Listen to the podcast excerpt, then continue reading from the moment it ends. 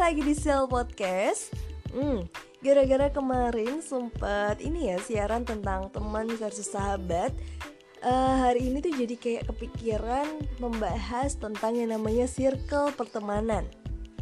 Nah, ini juga sebenarnya karena aku keinget sama dulu pernah cerita seseorang ya, dia merasa insecure, merasa aneh karena tidak memiliki teman-teman yang banyak mungkin juga merasa kayak tidak punya temen geng, temen yang bisa klop satu sama lain, yang mungkin bisa diajak hangout bareng, cicat bareng ya dan sebenarnya salah satu trigger dia adalah gara-gara lihat di story sosial media.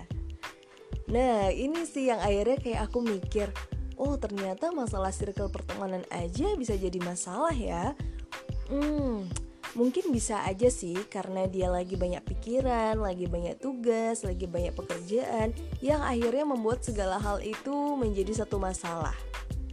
Bukan satu masalah juga sih, tapi mungkin dipikirin lah, dipikirin sampai jauh kayak gitu. Tapi sebenarnya gimana sih tentang circle pertemanan itu? So, kita bahas di segmen kedua.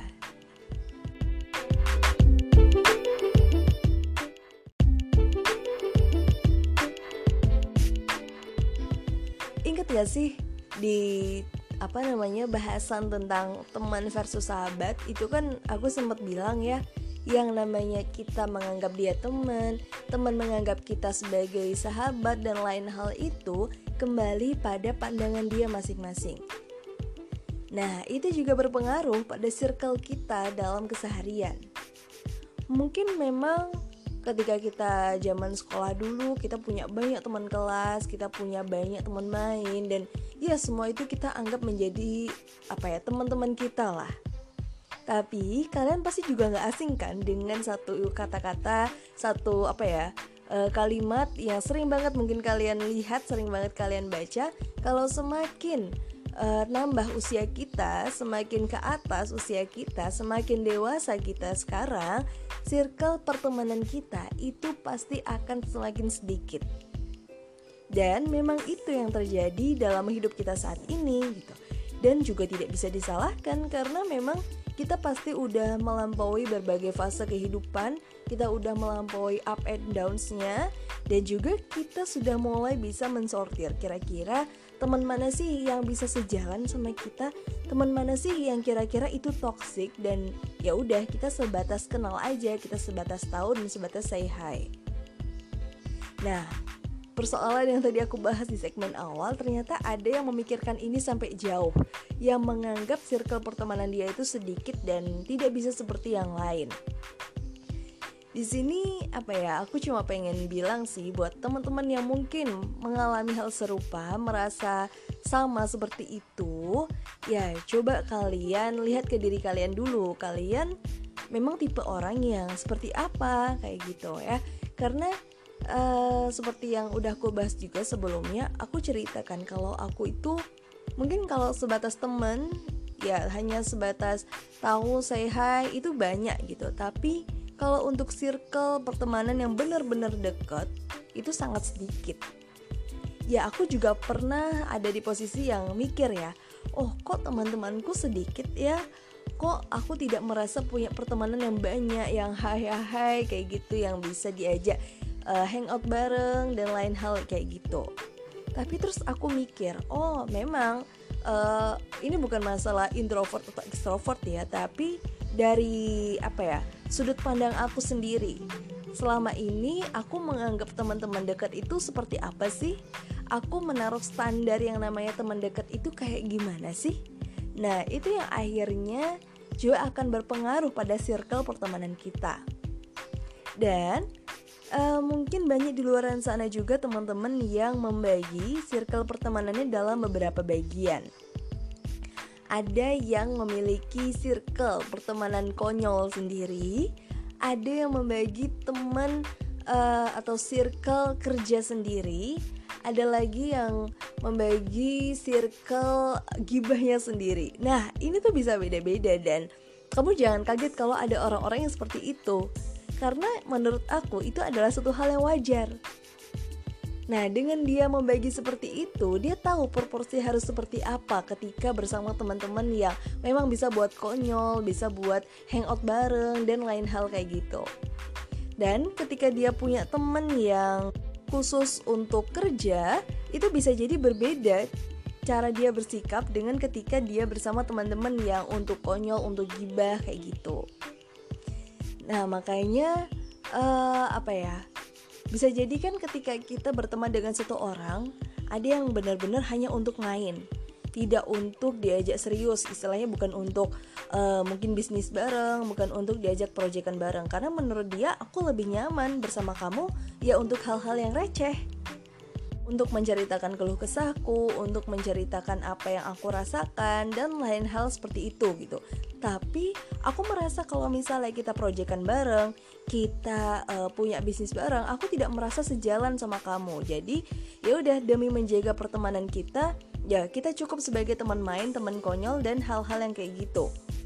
Nah, begitupun ketika kita bersama teman kerja, pasti pembahasannya ya hanya sebatas itu, hanya sebatas hubungan kita untuk pekerjaan. Ya walaupun mungkin ada banyol-banyolannya, ada uh, hangoutnya, tapi tidak akan uh, sampai terlalu dalam. Nah, biasanya ada lagi nih teman-teman yang me, apa ya memiliki circle yang lebih dalam lagi nih mungkin bisa dikatakan sebagai sahabat ya yang benar-benar sahabat di mana dia menceritakan segala hal yang dia rasakan, unek-uneknya, kekesalannya, dan apa yang menjadi kebingungan dia dalam satu hal ya ke mereka gitu.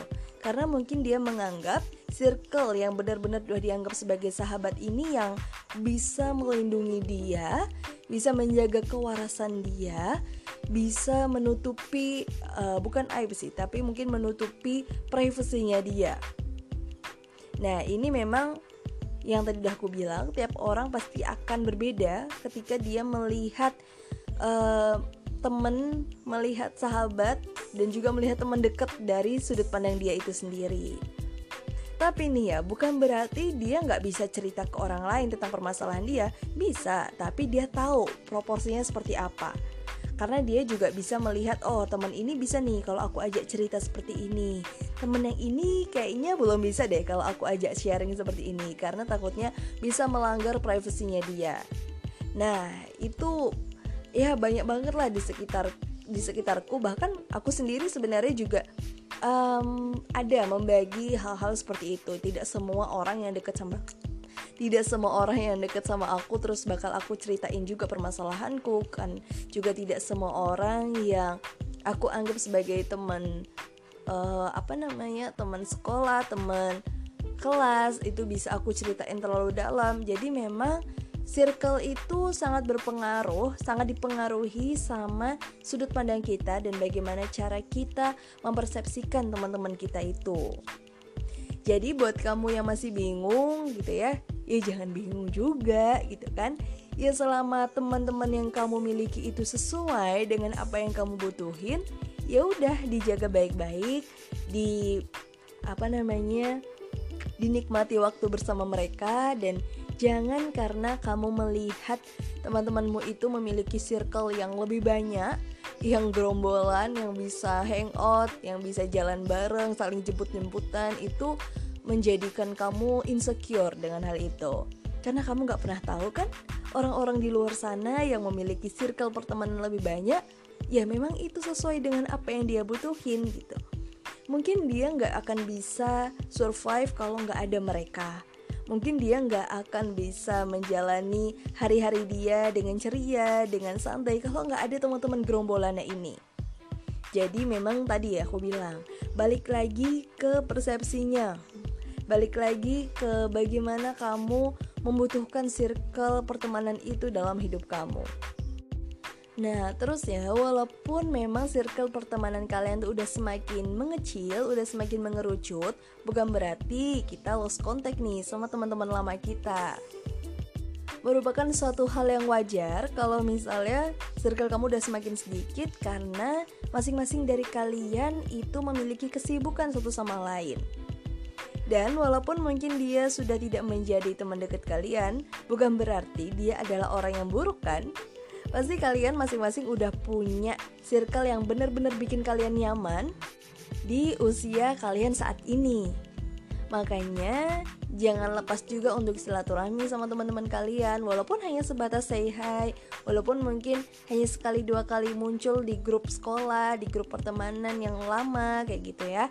Karena bagaimanapun mereka adalah relasi kita dan kita nggak pernah tahu kan seperti yang aku bahas sebelumnya kita itu akan ada di posisi mana. Kita akan ada di atas atau di bawah dan uh, ke depannya apakah kita akan bekerja sama dengan dia? Apakah mungkin nantinya kita akan membutuhkan dia? Kita nggak akan ada yang tahu gitu. Makanya baik-baiklah dijaga pertemanannya.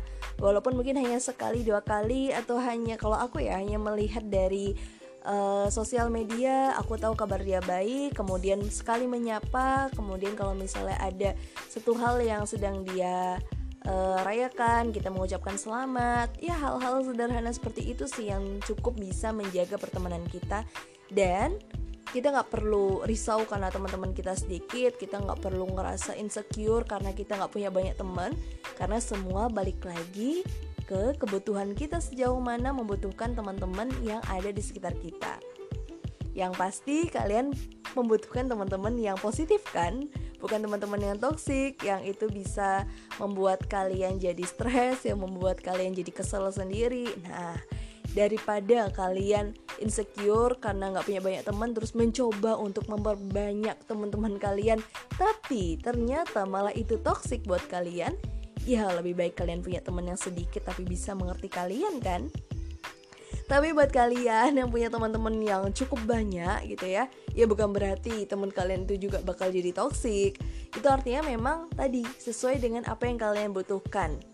Karena aku juga punya kok kayak temen geng yang sempat waktu itu aku ceritain aku punya satu temen eh aku punya segerombolan temen geng zaman SMA yang itu jumlahnya 9 orang dan kita punya grup yang ya kadang-kadang rame, kadang-kadang sepi, kadang-kadang heboh, kadang-kadang anyep gitu kan. Tapi nggak masalah, toh memang kita sudah punya kesibukan masing-masing. Ada yang sudah berkeluarga, ada yang sudah kerja, ada yang masih sekolah, dan uh, kita berada di zona waktu yang berbeda ada yang di Jawa, ada yang waktu Indonesia Barat, ada yang waktu Indonesia Tengah, dan juga ada waktu Indonesia Timur.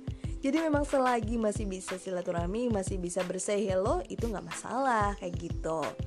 Nah, kayaknya cukup deh sharing aku hari ini tentang circle pertemanan. Yang pasti dijaga baik-baik siapa yang ada di dekat kamu saat ini. Jangan disia-siain uh, saling menjaga hubungan baik karena itu adalah mereka yang selalu ada buat kamu dan juga kamu adalah yang selalu ada buat mereka. So sampai jumpa di episode selanjutnya